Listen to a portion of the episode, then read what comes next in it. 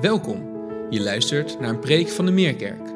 We hopen dat je door deze preek geraakt mag worden door de liefde van Jezus. En dat je aangemoedigd mag worden om Hem samen met ons te volgen en van Zijn liefde te getuigen.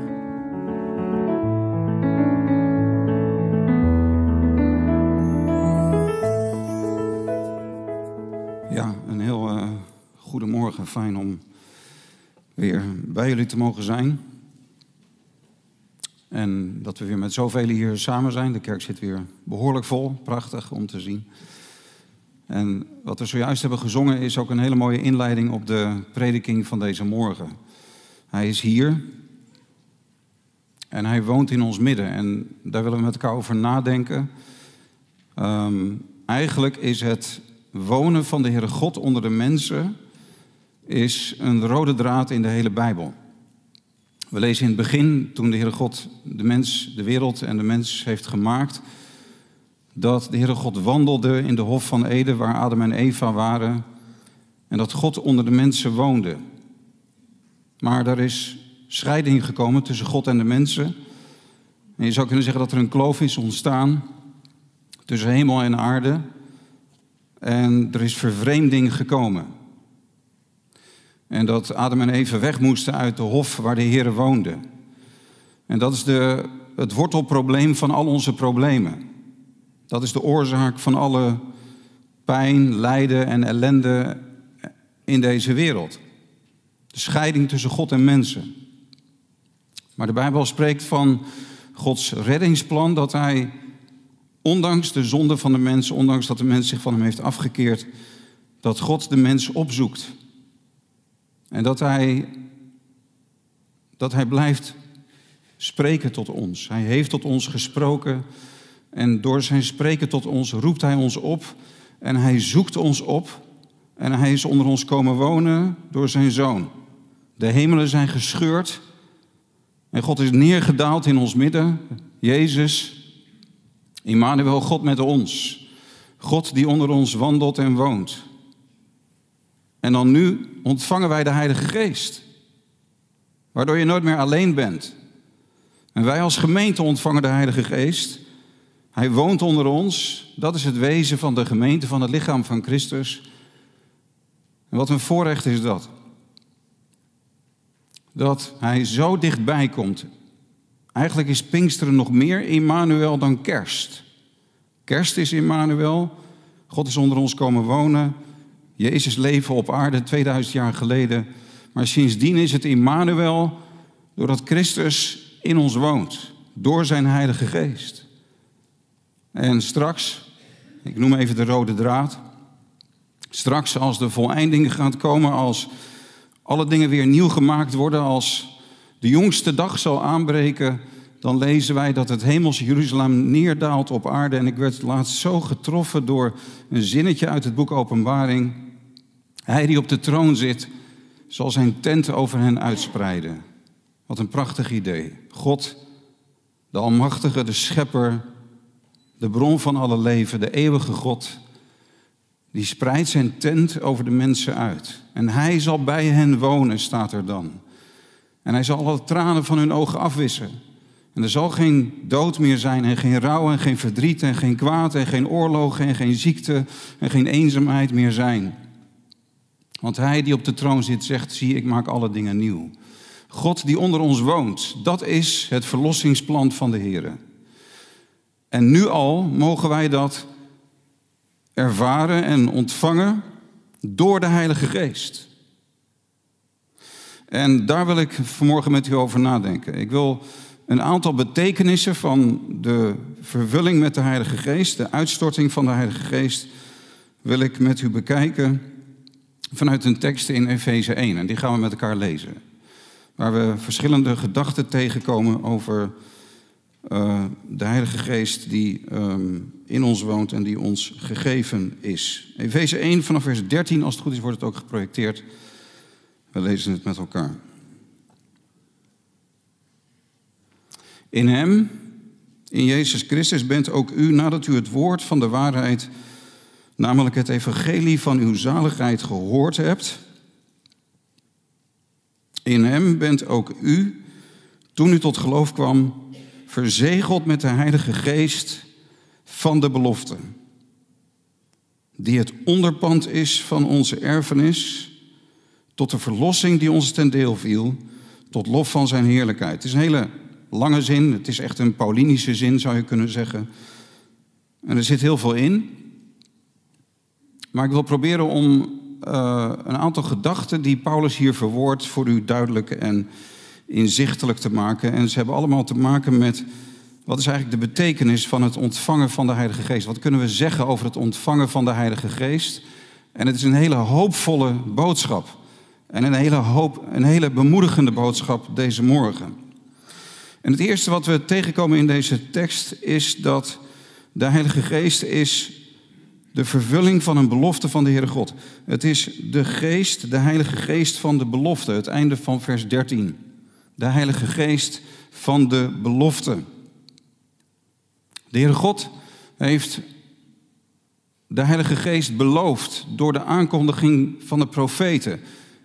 In de Tenach, in de wet en de profeten, wat we het Oude Testament noemen, daar komen we heel wat teksten tegen die zeggen dat er een tijd zou gaan komen dat God zijn geest zou gaan uitstorten. Ik zal mijn geest in uw binnenste geven. Het zal zijn in het laatste der dagen dat hij van zijn geest zal uitstorten op alle vlees. En ook Jezus heeft de Heilige Geest beloofd. Ik doe de belofte van mijn Vader op u komen. En Johannes 14, 15 en 16, woorden die Jezus ook gesproken heeft voor zijn lijden en sterven, heeft hij veel gesproken over de trooster die zou gaan komen. Jezus beloofde de trooster. Dus het is beloofd. En hij die beloofd heeft, is getrouw. Hij doet het ook. En de belofte is vervuld voor het eerst op die eerste Pinksterdag toen de Heilige Geest werd uitgestort over Joden. Handelingen 2 gaat over wat er binnen Israël gebeurde. En Petrus citeert dan ook sommige van die teksten die ik net heb genoemd. En in Handelingen 10 lezen wij dat die belofte van de Heilige Geest. Je zou eigenlijk kunnen, kunnen zeggen dat de vervulling met de Heilige Geest het loon is van Christus lijden en sterven en opstanding uit de dood. Hiervoor stierf hij aan het kruis. Hiervoor heeft hij zijn leven gegeven. Hiervoor heeft God de Vader zijn zoon gegeven. Opdat de scheiding die tussen God en ons was. En de straf die wij verdienden, waardoor God niet onder ons kon wonen.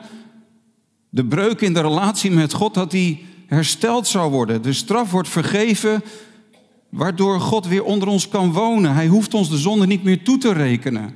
Hij hoeft ons niet meer te straffen voor onze zonde, want die straf heeft Jezus gedragen. Vanwege het bloed van Christus worden wij verzoend met de Heere God. En dan kan de Heere God onder ons wonen. Dus daar gaat het om. En dat werd vervuld. Toen en sindsdien is Jezus de doper met de Heilige Geest. Hij die na mij komt, zei Johannes de Doper, zal u dopen met de Heilige Geest. En hij doet dat nog steeds. En hij blijft dat doen totdat hij terugkomt. En wat nou zo bemoedigend is voor ons, dat is dat het een vervulling is van een belofte. Weet je, God heeft het beloofd en hij doet het. Ehm, weet je, het is, het is een woord van de Heer en dat woord van de Heer is betrouwbaar. Jezus zei bijvoorbeeld tegen zijn discipelen, jullie zijn rein om het woord dat ik tot jullie heb gesproken. Prachtig hè? Ze waren niet rein uit zichzelf. Ze waren niet rein omdat ze zo heilig waren geworden. Ze waren niet rein omdat ze volmaakt waren. Of omdat ze zo, zo goed waren. Nee, ze waren mannen en vrouwen met lekken en gebrek. Zoals u en ik. Maar Jezus zei, jullie zijn rein om het woord dat ik tot jullie heb gesproken. En Jezus zei ook, ontvang de Heilige Geest. Een woord dat hij spreekt. En Jezus is het woord van God. En door dat woord van God zijn alle dingen geschapen. God sprak en het was er. Er is niks zo krachtig als het spreken van God. En er is niks zo krachtig als een belofte van God. En God heeft die belofte gegeven. En dat betekent dat wij de Heilige Geest ontvangen niet omdat wij onszelf hebben opgewerkt tot een hoog niveau. Weet je, niet omdat wij omdat we aan de eisen voldoen, niet omdat wij dat verdienen, maar wij ontvangen de Heilige Geest omdat dat iets is dat God heeft beloofd. Omdat Hij dat beslist, omdat Hij dat gewoon heeft gezegd. Ik doe dat in jullie leven. En daarom zegt eh, Paulus hier ook in ons tekstgedeelte, uh, toen jullie het evangelie hebben gehoord, het evangelie van jullie zaligheid, toen bent u, tot u tot, toen u tot geloof kwam, verzegeld met de Heilige Geest van de belofte. Dus hoe werkt het? Je hoort het evangelie. Ik heb u vanmorgen het evangelie al uitgelegd. Christus kwam voor uw zonde, om voor uw zonde te sterven aan het kruis. Christus kwam om uw plaats in te nemen en het oordeel van God te dragen. Zijn dood was eigenlijk de dood die wij verdienden. Maar hij heeft onze plaats ingenomen en hij heeft de straf, weg, hij heeft de straf gedragen, het oordeel weggedragen. Hij overwon de dood. En je hoort dit goede nieuws, je hoort het evangelie en je gelooft erin. Je neemt het aan, je hoort het. En dan word je vervuld met de Heilige Geest. Het geloof is uit het horen. En je hoort van Jezus Christus en je ziet op Jezus Christus. Je begrijpt wat Hij voor je heeft gedaan en je ontvangt de Heilige Geest. De belofte wordt vervuld in jouw leven. Vroeger had ik een aanzichtkaart van iemand gekregen toen ik student was. En die heb ik heel lang op mijn bureau stond die kaart. En daar stond op, God accepteert je niet omdat je het verdient of omdat je zo hard voor hem hebt gewerkt. Maar omdat Jezus voor je is gestorven. En hetzelfde kunnen wij zeggen over de vervulling met de Heilige Geest. Je wordt vervuld met de Heilige Geest. Niet omdat je het verdient of omdat je zo hard voor hem hebt gewerkt. Maar omdat Jezus voor je is gestorven en omdat die belofte in jouw leven wordt vervuld. Je ontvangt gewoon. Eigenlijk is het alleen maar je handen openen voor wat God je wil geven. Het is alleen maar zeggen, Heer, ik besef dat ik het zelf ook nodig heb. En dus, het geeft antwoord op een existentiële vraag. Ben ik wel goed genoeg? Ik ga eigenlijk bij de punten die we halen uit dit tekstgedeelte elke keer eindigen met een existentiële vraag. En de eerste existentiële vraag is: Ben ik wel goed genoeg? En het antwoord is nee, je bent niet goed genoeg. En toch ontvang je de Heilige Geest. Want het is de geest van de belofte. Het is echt ook voor jou. Zie op Jezus, geloof in Jezus. Geloof in het Evangelie. En keer je tot de Heer Jezus Christus en je zult de Heilige Geest ontvangen. En dan gebeurt er wat. Zoals we in het getuigenis hebben gehoord van Erik. Dat is door de Heilige Geest. Wat er gebeurde in zijn leven. Waardoor hij veranderde van iemand die niet meer met God wilde leven, tot iemand die wel met God wil leven en die ervaart dat God bij hem is. Door de Heilige Geest. Tweede bemoediging die naar ons toekomt vanuit dit gedeelte is, de Heilige Geest is niet alleen de belofte van God, maar het is ook de verzegeling. Wij zijn verzegeld, ook weer het einde van vers 3, vers 13. We zijn verzegeld met de Heilige Geest. In 2 Korinthe 1, vers 22 zegt Paulus: God die zijn zegel op ons heeft gedrukt. En in het Engels staat daar seal of ownership. Dat is dus een eigendomszegel. Nou, wat betekent dat? Dus wat is een verzegeling? Ja, dat is een beetje een oud woord. Wij gebruiken dat niet zoveel meer, maar um, bijvoorbeeld je zou kunnen denken aan een, een, document, een brief die vroeger verstuurd werd. En uh, dan werd, daar, werd de brief dichtgeplakt. En je kent het wel uit films uit vroegere tijden.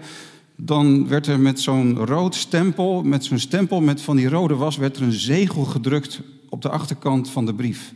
En dat maakte duidelijk, deze brief is van deze afzender. Dat zegel hoorde bij de afzender. Dat zegel was een bewijs dat het een brief was van de afzender. Dus het heeft alles te maken met van wie is iets.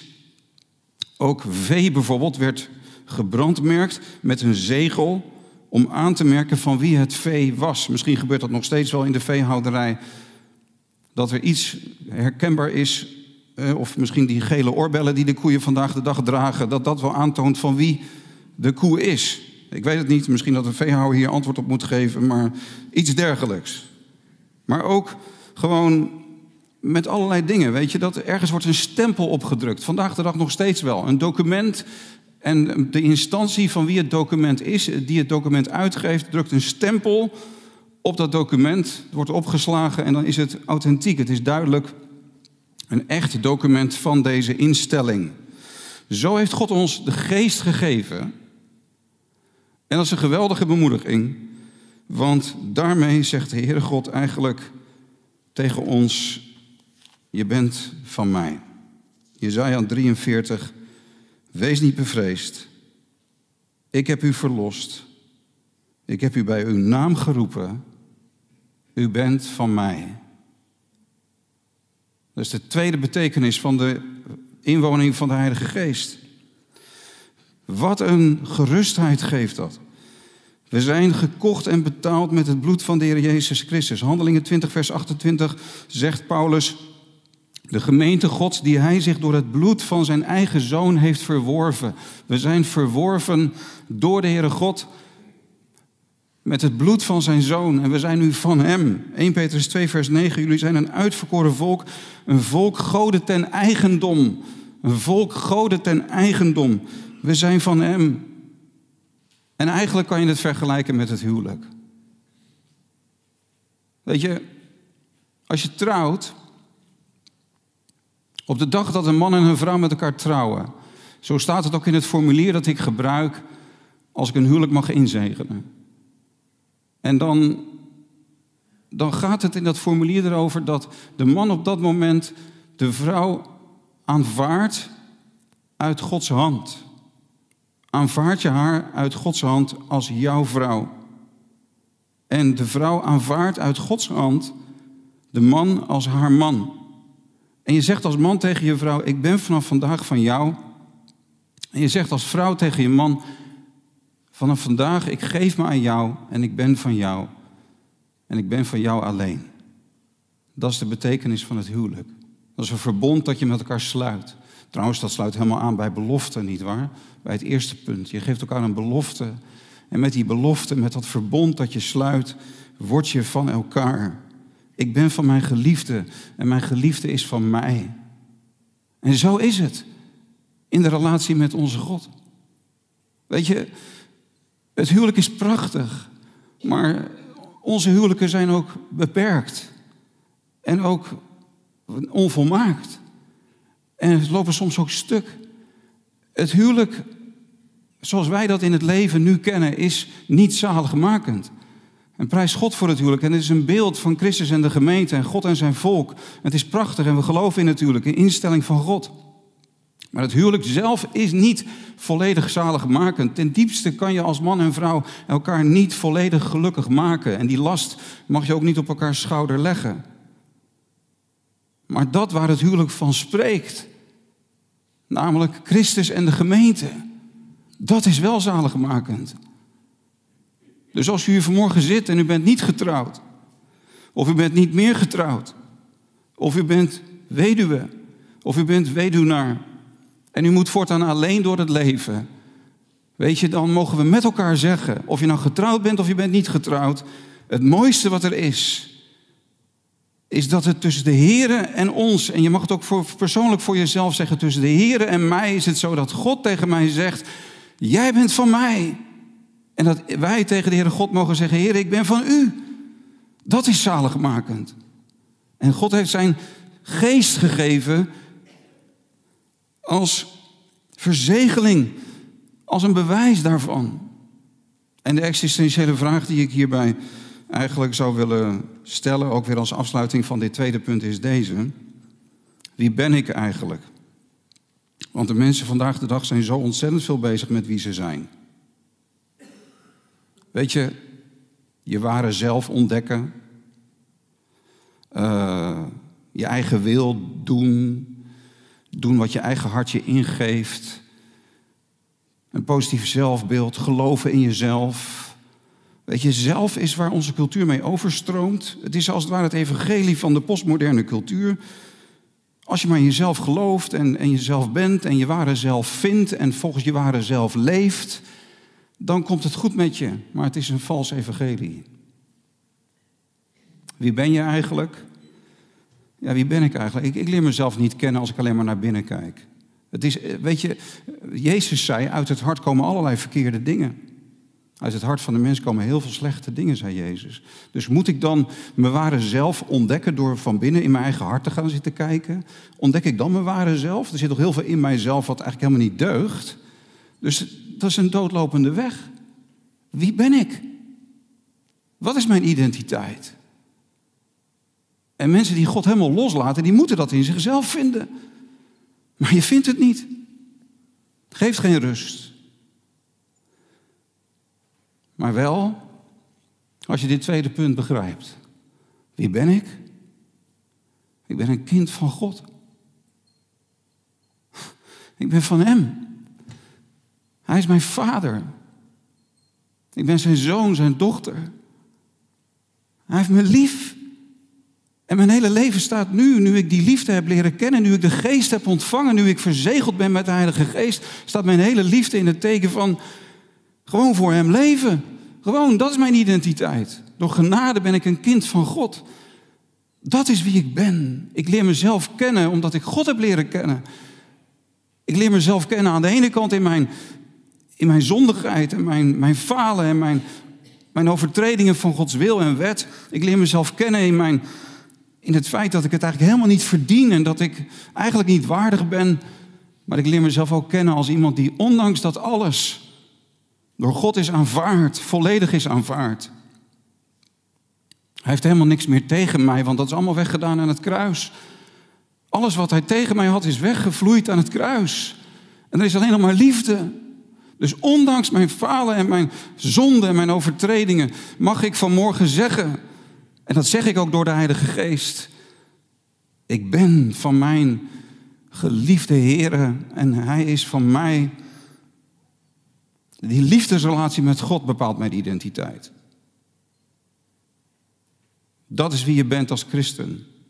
Wij spreken een andere taal dan de taal van onze cultuur. En dit maakt wel vrij. Dit evangelie maakt wel vrij. Verzegeld met de Heilige Geest. We zijn voor altijd van Hem. En niets kan ons ooit meer van hem scheiden. Dat zal nooit meer ongedaan gemaakt worden. We zijn voor tijd en eeuwigheid. Trouwens, de eerste vraag van de Heidelbergse catechismus: wat is mijn troost in leven en in sterven? Dat ik het eigendom ben van Jezus Christus, mijn Heer. Dat is mijn troost en mijn zekerheid. Daarom ben ik niet bang. Het derde en laatste punt. Want de Heilige Geest wordt de belofte genoemd, de Heilige Geest wordt de verzegeling genoemd en in het begin van vers 14, vers 14 wordt de Heilige Geest ook het onderpand genoemd. Het onderpand van onze erfenis tot de verlossing die ons ten deel viel tot lof van zijn heerlijkheid. Wat is een onderpand? Een onderpand is een waarborgsom of een zekerheidsstelling. Als we denken aan een hypotheek, dat heeft er ook alles mee te maken. Je geeft je huis in hypotheek aan de bank. De bank geeft een hypotheeklening. Maar jij bent eigenlijk de hypotheekgever als eigenaar van het huis. Maar als je je huis dan in hypotheek geeft aan de bank, dan is dat een onderpand. Je krijgt 300.000 euro van de bank, maar er moet wel een onderpand tegenover staan. Want als jij niet je rente betaalt en je aflossing, als je niet aan je verplichtingen van de lening voldoet, dan kan de bank zeggen: ja, maar we hebben een zekerheidsstelling voor die 300.000 euro die we je hebben gegeven. Uh, als het niet goed gaat, dan gaan wij dat huis verkopen en dan krijgen wij ons geld terug. Dus het huis is onderpand, zekerheidsstelling voor de bank, voor de lening die je hebt afgesloten. De Heilige Geest is ons gegeven als onderpand. Um, je kunt hierbij trouwens ook denken aan het idee van een aanbetaling. Als je bijvoorbeeld een nieuwe badkamer koopt, dan ga je naar een zaak die badkamers verkoopt. En dan beslis je om een badkamer te kopen en dan Als je de offerte hebt ondertekend, dan krijg je niet lang daarna een vraag om 10% van de aankoopsom te betalen. Dat doe je. En als dan de spullen geleverd worden, vlak daarvoor betaal je alles. Maar dat doen ze zodat ze er zeker van zijn dat je niet een paar maanden later, als alles geleverd wordt, zegt: Ja, oké, toen heb ik dat wel besloten, maar ik heb er nu geen zin meer in. Maar je betaalt een aanbetaling. En die aanbetaling is de zekerheid dat als je, kijk, als je 10% hebt betaald, dan ga je natuurlijk de rest ook wel betalen, want anders ben je die 10% kwijt.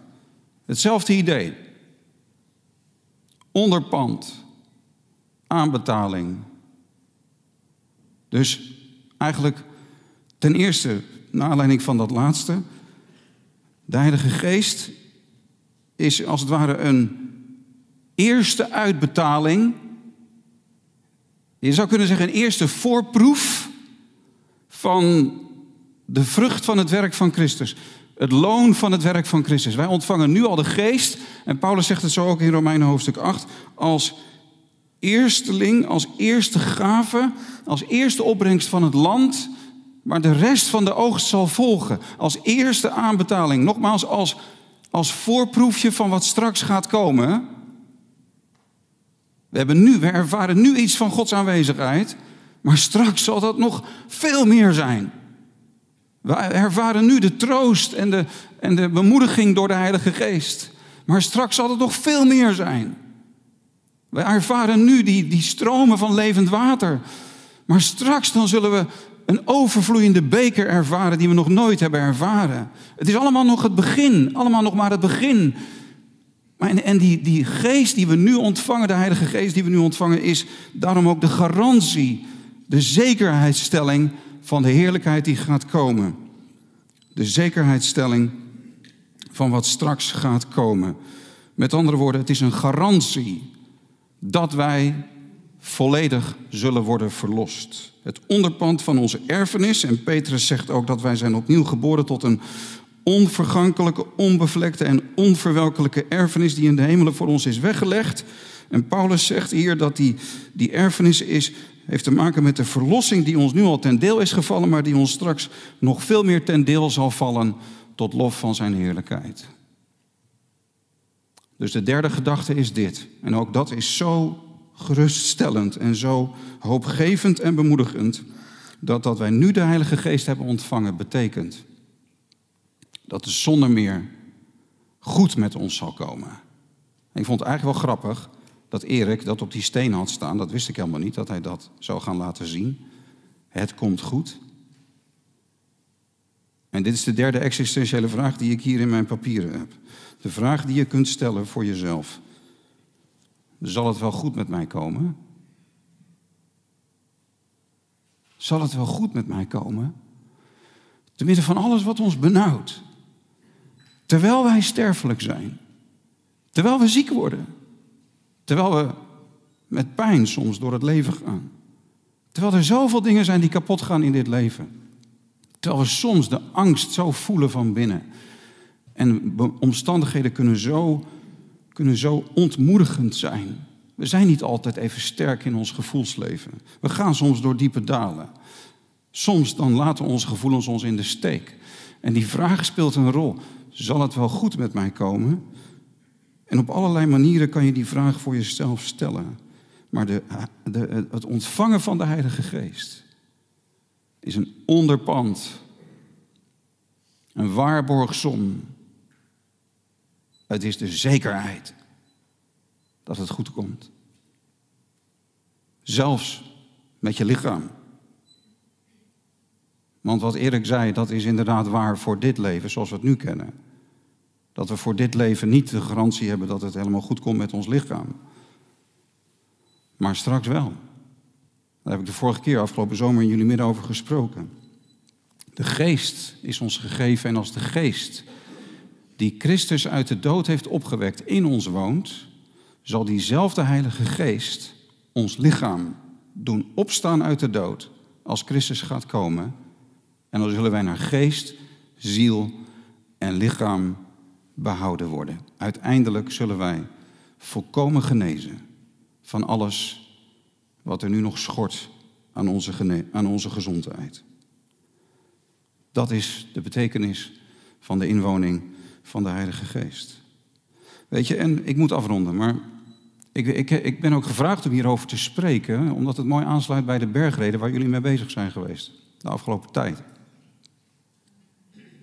En ik wil het eigenlijk als volgt dan daarop laten aansluiten. Dat er is één zinnetje in de bergreden wat, wat ik eigenlijk zo bevrijdend ook vind. En dat is dat Jezus daar op een gegeven moment zegt, laat je linkerhand niet weten wat je rechterhand doet. En daarmee bedoelt hij, stop nou eens even met zo naar jezelf te kijken. Stop nou eens even met zo publiek van jezelf te zijn. En jezelf de hele tijd op de weegschaal te leggen en te zien of je wel gewichtig genoeg bent. En Jezus leert ons daar om op een hele gezonde manier onszelf te vergeten. En niet meer zo naar binnen te kijken, wat ik al zei, maar naar Hem te kijken. En dan nog even die drie vragen hè, waar ik elke keer mee ben geëindigd. Ben ik wel goed genoeg? Nou, die vraag mag je loslaten, want je ontvangt de belofte gewoon uit genade. Wie ben ik eigenlijk? Al dat gepieker over jezelf. Al dat getop over jezelf. Misschien ook wel over jezelf als christen. En over je geestelijk leven en, en over je christelijke niveau. Weet je, al dat, al dat bezig zijn met, met jezelf als, als persoon en als christen. Ja, hou het nou maar gewoon bij het eenvoudige. Je bent gewoon van Hem en je dient Hem met je leven zoals het gaat en de plek waar je bent gesteld. En dat is je identiteit. Het geeft zo'n rust. En zal het wel goed met mij komen? Angsten voor de toekomst. Wat zal er van mij worden? Wat zal ik nog meemaken in dit leven? En zal ik het wel redden? Nou, Jezus is je redder. En hij geeft volkomen verlossing. Je wordt echt behouden. En ieder die in hem gelooft zal niet verloren gaan, maar eeuwig leven hebben. Alle drie die vragen zijn zo relevant. En als we die vragen, als we antwoord vinden op die vragen vanuit onze tekst van vanmorgen, dan kunnen we leren wat Jezus heeft gezegd. Laat je linkerhand niet weten wat je rechterhand doet. Je kunt het volledig loslaten. Geef jezelf maar gewoon over aan de Heer. En, en, en relax. Ontspan. Hij heeft zich over je ontfermd. Je hebt de geest ontvangen. En alles zal goed komen. Geprezen zij zijn wonderbare naam. Halleluja. Laten we de Heer danken in gebed.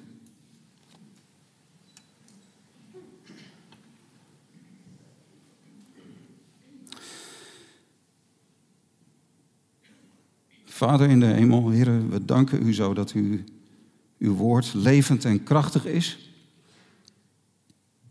In de onvolmaaktheid van ons profiteren mogen we toch bemerken, Heer, dat u ons aanspreekt. En dat u ons bemoedigt. Dank u wel voor de overweldigende rijkdom van uw genade. Dank u wel voor uw liefde. We willen met elkaar samen u danken voor de Heilige Geest. Heer, want het is zo'n geweldig geschenk. Het is zo bemoedigend en vertroostend. Dank u wel dat u ons vanmorgen dit ook zegt. Ik heb je bij een naam geroepen. Je bent van mij. En we willen samen tegen u zeggen, Heere onze God, het is ons een zeer groot voorrecht om van u te mogen zijn. En geef dat we deze week als zodanig zullen leven. Als kinderen van God, als volk van God als bruid van Christus, tot eer en verheerlijking van uw naam. Halleluja. Amen. We gaan samen zingen. Fijn dat je hebt geluisterd. Voor meer informatie ga naar www.meerkerk.nl